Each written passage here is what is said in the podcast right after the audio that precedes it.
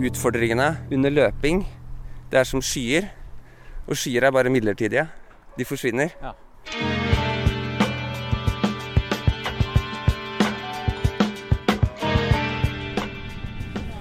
Ja, hallo. Ja, god dagen, lytter. God dagen. Velkommen til nok en episode av uh, Noe det alvor. Din favorittpodkast, ikke sant?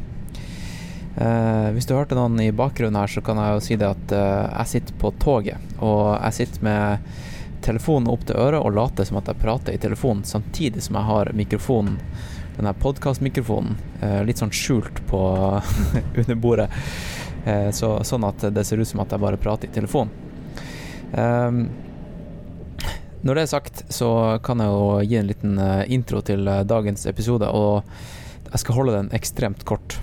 Uh, for dere som har uh, fulgt podkasten nå, ja, kanskje hørt de to siste episodene, så vet dere at jeg er i, eller har vært i, uh, Chamonix.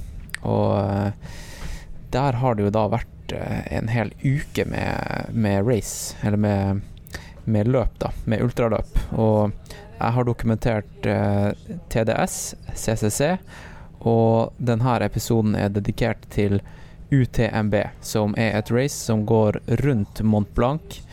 Det er 170, eller litt over 170 km langt. Eh, over 10 000 høydemeter. Og det er vel ni fjell som bestiges. Og vinneren i år, det var han Pau Capell. Han sprang på 20 timer og 30 minutter, sånn cirka. Ta og tenk litt på det, folkens. Um, det er ganske sprøtt. Og i dagens episode det her er ikke en rapport, sånn som de tidligere episodene har vært. Det her er rett og slett bare en race debrief, som det heter på godt norsk, med en som fullførte løpet. Og hans navn er Bjørnar Eidsmo, bedre kjent som Sidespor-Bjørnar. Og han har vært på podkasten tidligere, faktisk. Um, så det, jeg tror det blir ganske fett for deg som kun kjenner han Bjørnar fra, fra podkasten, og nå hører Eller hvis du har fulgt hans reise, så vet du at han har virkelig jobba for det her. Han har uh, trent som bare rakkeren gjennom hele vinteren. Og gjennom flere år, faktisk. Men uh, han har faktisk fulgt legenden Didrik Hermansen sitt treningsopplegg. Han fikk det i 40-årsgave av han Johannes Rummelhoff. så da har han fulgt det her slavisk da, gjennom vinteren, og han stilte til start på UTMB her om dagen og gjennomførte med stil. Eller med smil, som han sier sjøl. Så da tror jeg faktisk ikke at uh, jeg skal holde deg på pinebenken så særlig mye lenger. Jeg skal bare sette på, trykke på play, og så skal jeg la hun her dama i bakgrunnen snakke i telefonen i fred. Og så skal du få kose deg med dagens uh, race debrief fra UTMB 2019 med han Bjørnar Eidsmo. Og så kan jeg jo faktisk si det at eh, på tampen av episoden Den blir litt Den blir brutt, avbrutt ganske sånn eh, Ja, kanskje litt sånn antiklimaks-avslutning på episoden, fordi vi treffer to kompiser som vi skulle spise middag med. Og de to uh, guttene, dem uh, eller en av dem, recorda jeg podkast med seinere på kvelden, og den blir lansert på Patrion ganske umiddelbart. Og hans navn er Stian Angermund Vik. Så der har du en liten eksklusiv episode. Ta og Sjekk ut patrion.com slash alvorpodkast, så får du med deg den der episoden. Inside-info av vinneren av OCC og en av Norges beste fjelløpere gjennom tidene.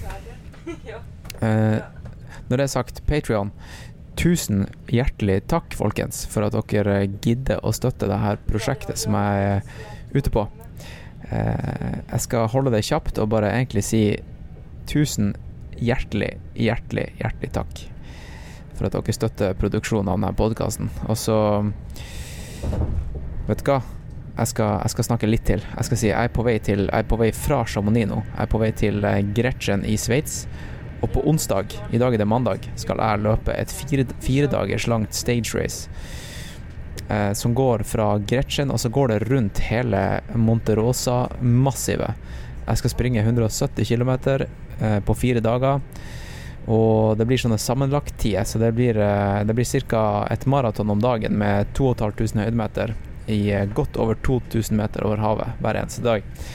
Så jeg tenker at jeg skal faktisk ta og podkaste fra hver eneste dag. Eh, rett og slett spille inn en liten race debrief når jeg kommer i mål. Og så klippe det her sammen til kanskje én episode. Hvis jeg har bra internett, så kommer jeg til å laste det her opp på Patrion, da eksklusivt innhold, og kanskje det blir en iTunes-episode etter hvert. Men um, det er i hvert fall planen, da. Og så får nå racet gå som det går. Men da skal du få lov til å høre på han Bjørnar Eidsmo snakke om sin fantastiske opplevelse gjennom de 36 timene han, han sprang gjennom fjellene rundt Mont Blanc. All right. God lyttings, folkens. Hello, this is another one. Another one, baby. Welcome to Now Is It Alvor uh, with Hans Christian and friends. We're going to be the best podcast that you ever did here, and we're going to thrill you, we're going to teach you, we're going to entertain you. Like Britney Spears once said, there are those of us who observe and those of us who are here to entertain. And we're here to entertain you, bitch.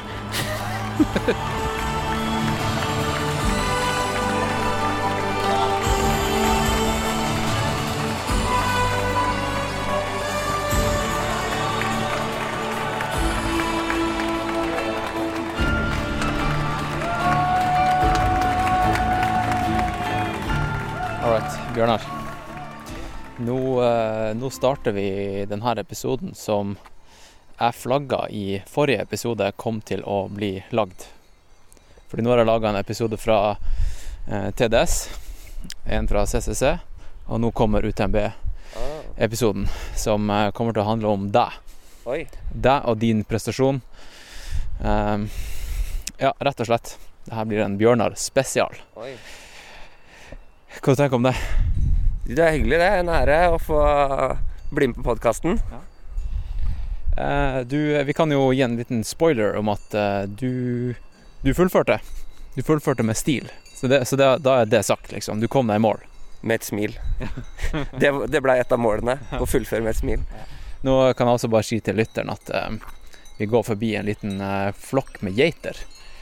Eh, Inngjerda. Og de er den blir gjeta av en Jeg ser ut som en golden retriever.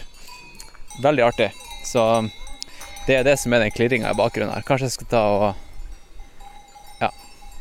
Ja, vi fortsetter bare. Kan du prøve å beskrive det enda bedre, Bjørnar?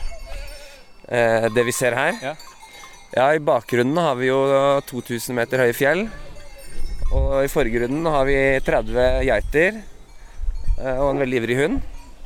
Og så er det grønt og fint, og akkurat blitt høst, som du så. Noen ja. gule blader på bakken. Og uh, vi er i Chamonix. Uh, som Henriette, hvis dere har hørt uh, de to for, forrige episodene, hun Henriette kaller det her for Sham Valley. Og så er vi jo litt på utsiden av byen, så her er det litt landlig. Veldig rolig. Ja. Vi er et sted som heter Le Bois. Og nå skal vi dra og spise middag. Det var snakk om noe indisk. Og nå er vi ute av Le Bois. Ja. Men eh, Bjørnar, eh, du har vært i podkasten eh, minst tre-fire ganger tidligere. Men kanskje det er en ny lytter?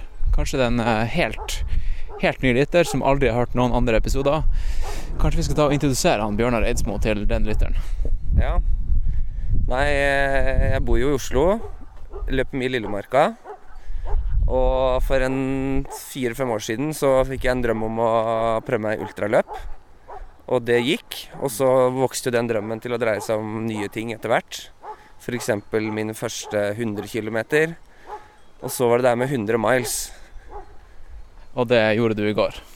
Det klarte jeg i går. Ja. Så det er stor stas. Det har ikke helt landa, tror jeg. Det er liksom Jeg syns ikke Jeg syns egentlig ikke man burde kalle UTMB for 100 miles, for det blir liksom 100 miles det er liksom noe man sier når man har gjort eh, Jeg vet ikke, sånn her type um, Western States eller noe sånn mer løpbart. da. Det du har gjort nå, det her er jo en, eh, en manndomsprøve.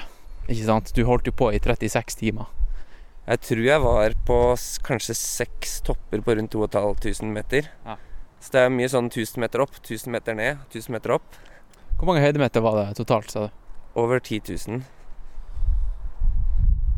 Hvor er det man starter når man skal begynne å snakke om hva du har vært igjennom? Skal man starte fra start? Eller skal vi starte fra, fra Nei, jeg vet ikke hva, hva du tenker.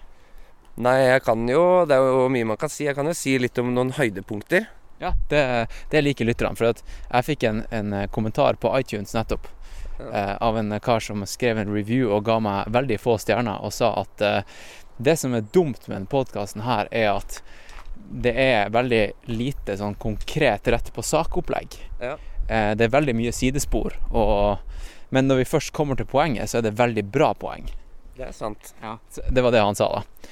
Men da har jo ikke han skjønt podkasten, for det er akkurat det den handler om. Ja. Det er jo det å bare prate Prate skit om ultraløp og outdoors, og så kanskje det kommer noen små eh, gullkorn. Nå kan jeg servere tre kulepunkt. Ja. Tre høydepunkt. Ja. Så det flotteste med det løpet her Tre ting. Ja, Noen clickbait. Det ene Tre grunner til å gjøre UTMB. Ja. Det ene er all den støtten jeg følte fra de jeg kjenner, men også fra de jeg ikke kjenner, som står og heier langs løypa. Og det er bare helt vilt. Det er folkefest i flere byer. Fra starten i Chamonix til eh, de nest, kanskje tre neste byene. Så er det tusenvis i gatene og heier. Og masse barn som gir deg high five og smiler og Utrolig, utrolig flott, da. Andre høydepunkt er jo naturen. Og nå var det jo mørkt mye av løpet, men når lyset kom på dag to fra Cormayeur, da så jeg hvor flott naturen var. Ja, For du løp gjennom to netter. Ja. Det vil si at du fikk to solnedganger og to soloppganger. Eh, nei, jeg rakk ikke andre soloppgang. Eh, eller jeg løp for raskt til å rekke Ah, ja. andre Ah, soloppgang. ja, okay. ja, stemmer det. Ja, ja. Jeg rakk eh, åpninga på bakeriet. Så ble det ferske bakervarer i morgen. Men det som er bare sånn veldig kort om naturen, da. For du er jo høyt oppe. Du er gjerne på sånn 2000 meter over havet. Ja. Men det er fortsatt grønt. Du ser fjell som er mye høyere i nærheten, på sånn 3000-4000 meter, med isbreer. Og så er det en del dyr, mye kuer og sånn høyt oppe i fjellet. Så du noen Ibex? Jeg så et esel. Jeg tror jeg så spor av Ibex, men jeg så det dessverre ikke. Så det var eh, to ting. Eh, Det tredje er jo den her eh, kampen med meg selv. Det å overvinne sin egen frykt og sine egne barrierer og den her lysten til å gi opp. Og så komme gjennom det. Ja, for Vi, vi snakka litt i stad om, om du følte at det var en konkurranse med konkurrentene dine, eller de andre som var, du, du raca med, eller om det var en konkurranse mot deg sjøl. Altså, hvor mye følte du på liksom, konkurranseinstinktet og liksom komme deg raskt til mål? Kan du Ja. fortelle litt om det? Hva, var det mot deg, deg sjøl, eller var det mot konkurrentene?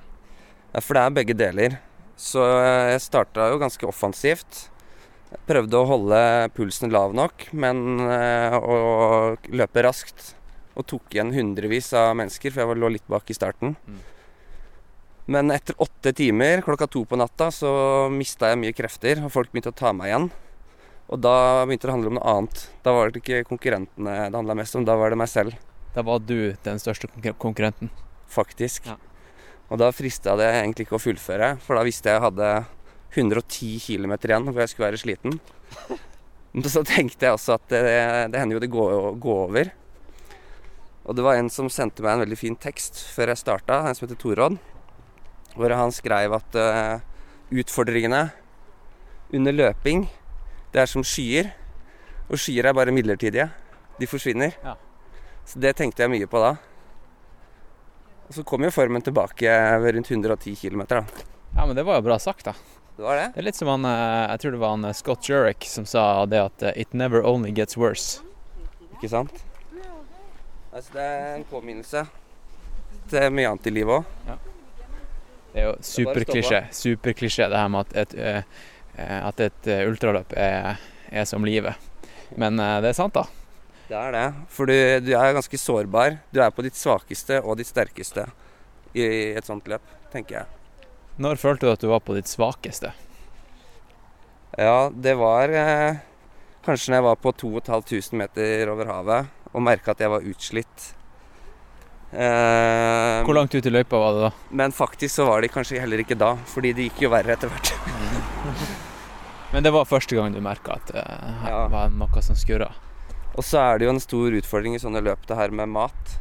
Så jeg var litt dum og da prøvde en suppe. og Den var ikke varm, den var kald. Og det var noe muffins med den. Så da klarte Den hadde jeg ikke begynt å fermentere litt. det, det var noe sånt, altså. Den var ikke bra. Kanskje det ikke var suppe. Så da klarte jeg ikke å holde på maten. Og etter det ble det vanskelig og vanskeligere og vanskeligere å spise. Ja, for det sa du at uh, kanskje neste gang du gjør UTMB, hvis du gjør UTMB en gang til, uh, så kunne det vært en idé å ha kun spise din, din egen mat, og ikke takke ja til de her eh, fristelsene på stasjonene. Ja, i hvert fall en kombinasjon. At der jeg har eh, crew, hvis jeg har crew, Mm. eller dropbag, at jeg har noe mat jeg liker. og Noe ordentlig mat. Noe kjapp middagsmat. For det er Ja. Det er ikke alltid det du får på stasjonene funker helt, da. Ja, ja nå videre da. Eh, kanskje, apropos crew, du hadde jo et fantastisk crew. Ja. Eh, jeg var jo ikke en del av det crewet i går. Eh, det må jeg bare beklage, men eh, Ja, men du hadde to stykker i hvert fall. Hadde tre.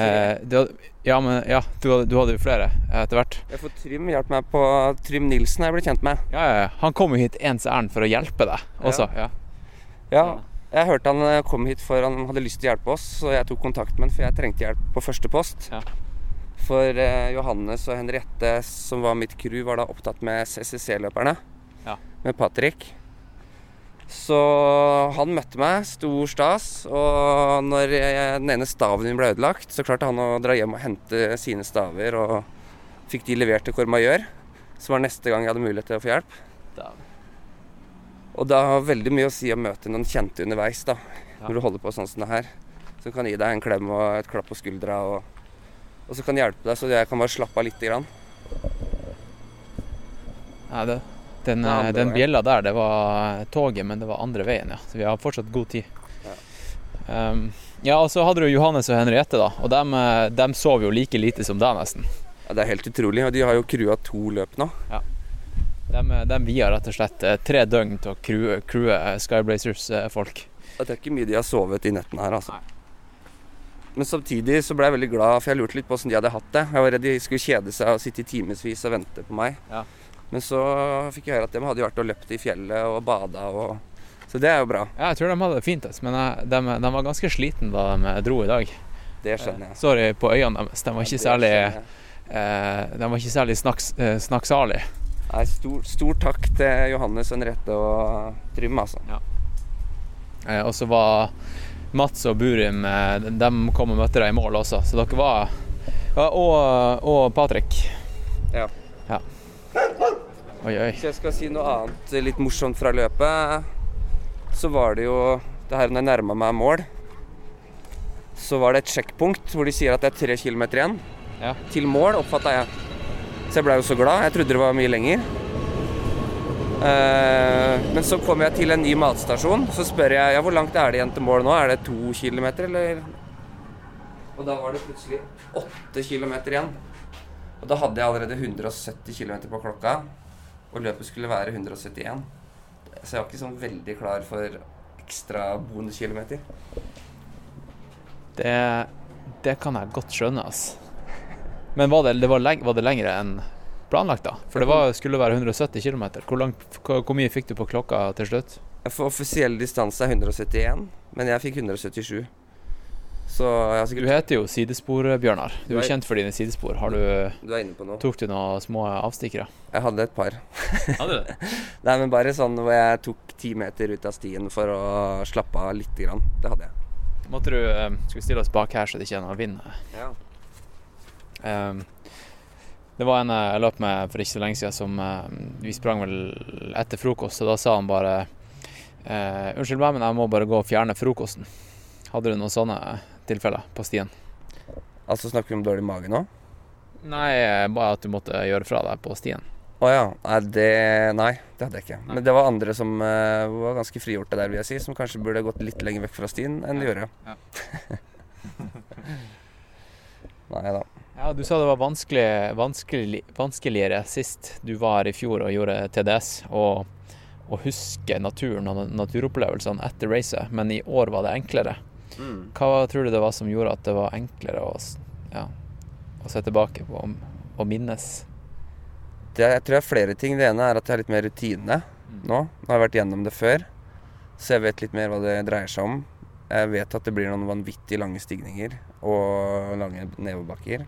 Og så var jeg mer bevisst på at nå skal jeg huske å se rundt meg og følge med. Og da, blant annet det at det er kuer så høyt oppe, da, gjør jo at det er beitemarker oppe i fjellene. Masse gress. Fine trær. Et esel dukka opp. Også Det høres ut som at du ble kompis med det eselet. Eh, ja, litt sånn avstandsforhold, kanskje.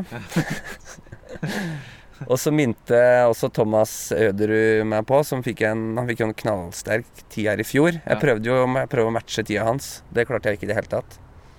Men han minte meg på at eh, du må skru av lykta i fjellet, og så se på stjernene én gang. Ja. Så det gjorde jeg en gang. Så la jeg meg ned på bakken, skrudde av lykta, så opp. Det var stilig, altså. Vi gikk eh, Det var vel etter CCC, og det, det var også i podkasten. Da gikk vi i mørket på natta. Det var vel litt sånn ett-halv to-tida. Eh, på vei tilbake fra byen til Airbnb- Airbnb-en vår, og så så vi opp mot fjellsida. Og da var det liksom eh, fullt av hodelykter, ikke sant.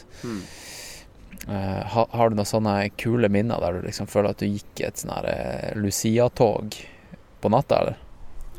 Ja, spesielt den, det siste fjellet, som vel er kanskje det niende fjellet. Da var jeg skikkelig sliten, og noe av det som var ganske tungt, er når det, du ser det Lucia-toget bare gå rett til værs, og du ser det fem kilometer unna, og du vet du skal opp til fra 1000 til 2100 meter. Eh, og når du har kommet opp til den toppen, da, så er selvfølgelig ikke det toppen. For det Lucia-toget bare fortsetter ned en ny topp, og så en enda en topp. Og sånn fortsatte det bortover. og så når jeg trodde det var tre kilometer til mål, så begynte jeg å legge inn sluttspurten. Men da var det jo egentlig tolv kilometer igjen. Men jeg føler du at du gravde Altså, det her er det lengste du har sprunget i distanse og tid. Men er det det mest fysisk krevende løpet du har gjort hittil? Ja. Det var det her med at jeg blei så sliten så tidlig. Jeg kan ikke helt huske at jeg opplevde det før. Og jeg vet, jeg vet ikke helt hva det var. Om det var uh, høyden, jeg var jo på 2500 meter, eller om det var den kvalmen. Det var etter 60 km, sa sa du. Ja. Ja. For det kan, og så var det jo natt. Ellers kan det hende at jeg hadde trent litt for mye eller litt for lite. Jeg vet ikke. Men det å være så sliten så lenge, det var spesielt. Mm. Men så har man jo mye krefter og, på lager likevel, da. Og så kom det et terrengbytte. Det var det som skjedde på 110. At det begynte å gå litt slakt nedover. Og da kunne jeg slippe opp. Og det hjalp meg veldig. Da fikk jeg litt flyt. Og da kunne jeg begynne å ta igjen folk igjen, istedenfor at folk tok igjen meg. Var det mye Var det noe asfalt? Var det noen sånne fraktpartier som var kjedelige? Eller var alt bare på flott sti? Altså, det var veldig variert. Jeg har liksom hørt at UTMB skal være litt sånn lettløpt. Men det vil jeg ikke si. Nei. Det er alt mulig. Altså, det er skogsveier, det er litt asfalt, men det er også veldig krevende stier. Og tendenser til litt sånn eh, nesten klyving. Mm. Men noe som også man må passe på, er at det er veldig mye stup. Så det er smale stier. På kanskje en meter, så går det stup rett ned eh, 100 meter eh, i noen tilfeller. Eh, Men det er nok å bryne seg på, da. Og det er jo spennende også. Han er vinneren, på Capell. Jeg så et intervju med han eh, i stad, med Iron Far. Og da, eh, da sa hun der eh, Megan Hicks, tror jeg hun heter, hun som uh, intervjua. Hun sa at hun satte veldig pris på at eh, Jeg skulle si, nå mikser jeg litt, men eh, det er samme tema, da. Eh, det var vel han eh, Xavier, nummer to, som hadde posta alle splitsene han planla å løpe. Hvor- Altså hvilket tidspunkt han skulle være på hver stasjon. Um, han hadde posta det på Instagram og Facebooken sin Oi. og gjort det offentlig i forkant. Ja. Og Men det hadde ikke han eh, vinneren gjort, han på Acapelle, men, han men han hadde skrevet splits, og han hadde fulgt dem nøyaktig hele veien. Mm. Du skrev også opp en ganske heftig sånn eh, tabell Mm. på et papir du hadde med deg. Mm. du, du satt og skrev det for hånd før du eh, gjorde løpet. Klarte du å følge de splitsene? Ja, for det var splits jeg hadde fått fra Thomas Øder i sitt løp fra i fjor. Mm. Og han klarte jo å løpe på under 30 timer, Ja. som var et mål for meg, da. Uh, og det var ikke sånn at jeg sjekka lappen hele tiden, men jeg sjekka innimellom. Og da lå jeg godt an fram til de berømte 60 km. Ja. Da var jeg sånn fem minutter i forkant.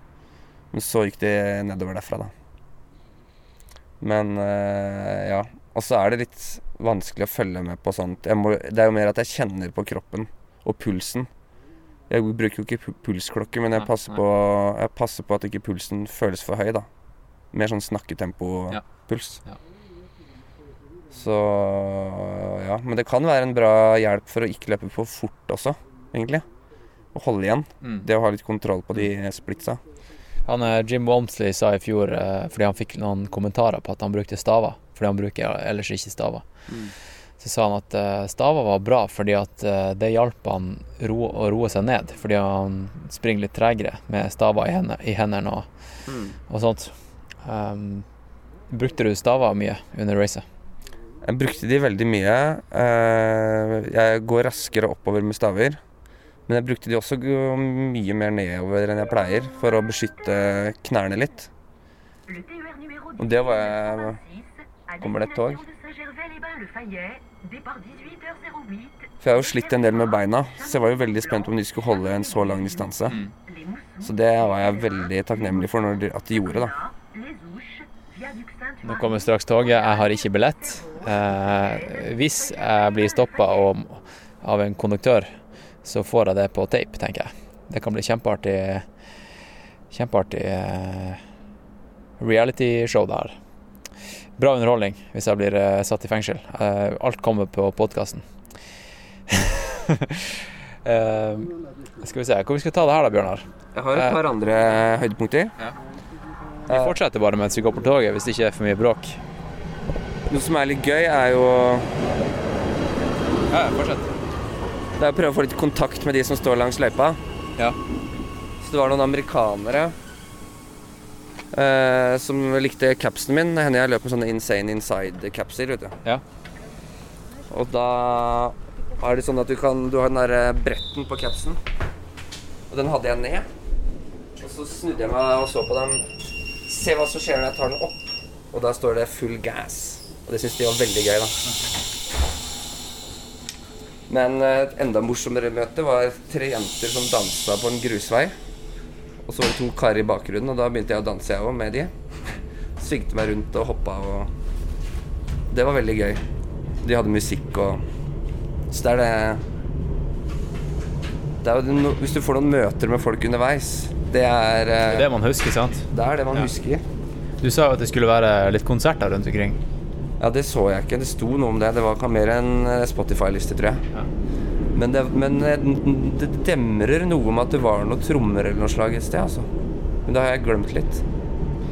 UTMB det har blitt sånn her greie om at eh, hvert år så kommer, det, kommer amerikanerne over, og så skal de liksom prøve seg. Det er liksom USA mot Europa, for- eller USA mot verden. I år så DNF-a jo så å si alle favorittene fra USA. Ja. Stang ut, rett og slett. ja.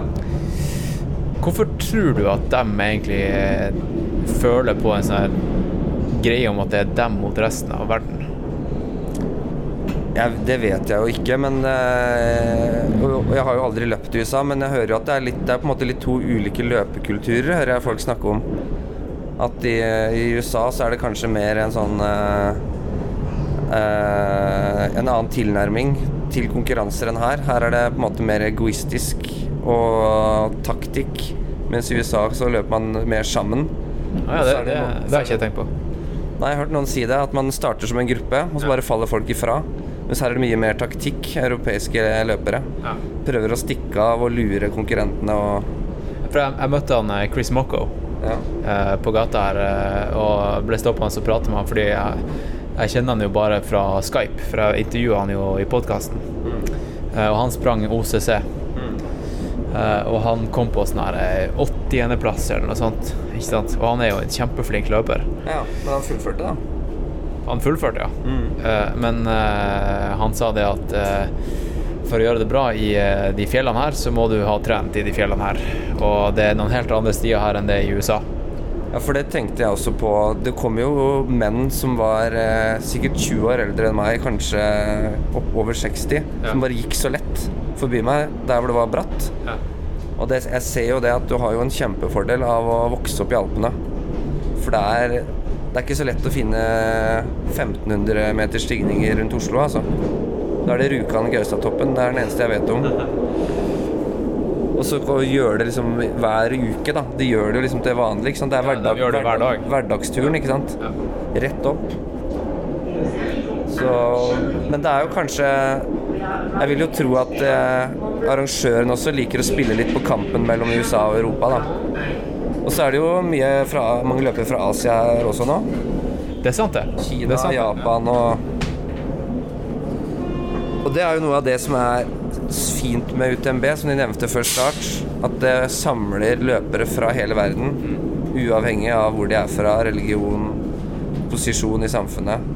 Du, jeg hørte at uh, grunnen til at eller fordi, Altså fordi at uh, Kina det, det eksploderer jo med stiløping, eller terrengløping, ultraløping uh, akkurat nå. Men grunnen til at vi ikke ser så mange kinesere som konkurrerer i Europa og resten av verden, er fordi at de sliter med visum.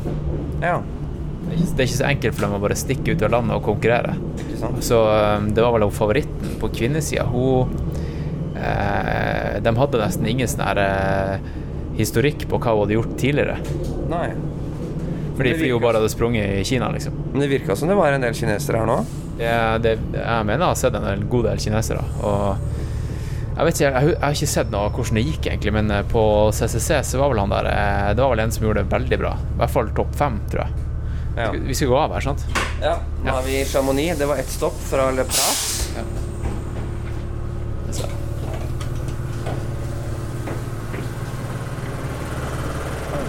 Ja.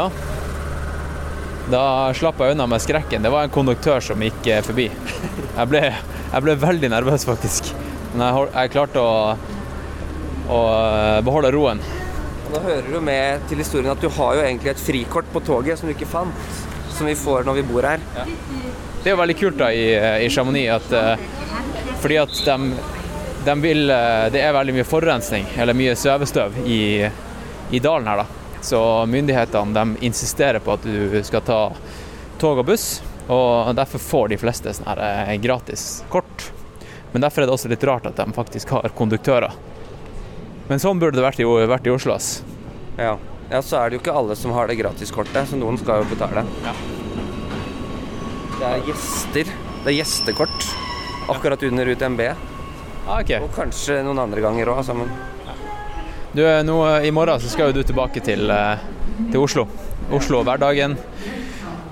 Det er jo alltid litt sånn her eh, sur surrealistisk. Man har jo levd i en liten boble her, ikke sant.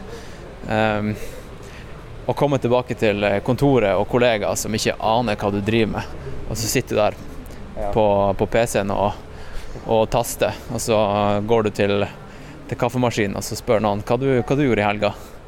Eh, hva du skal svare da. Hvordan, hvor du starter. Holder du det simpelt og sier at du var på tur, eller, eller prøver du å forklare hele opplegget til dem?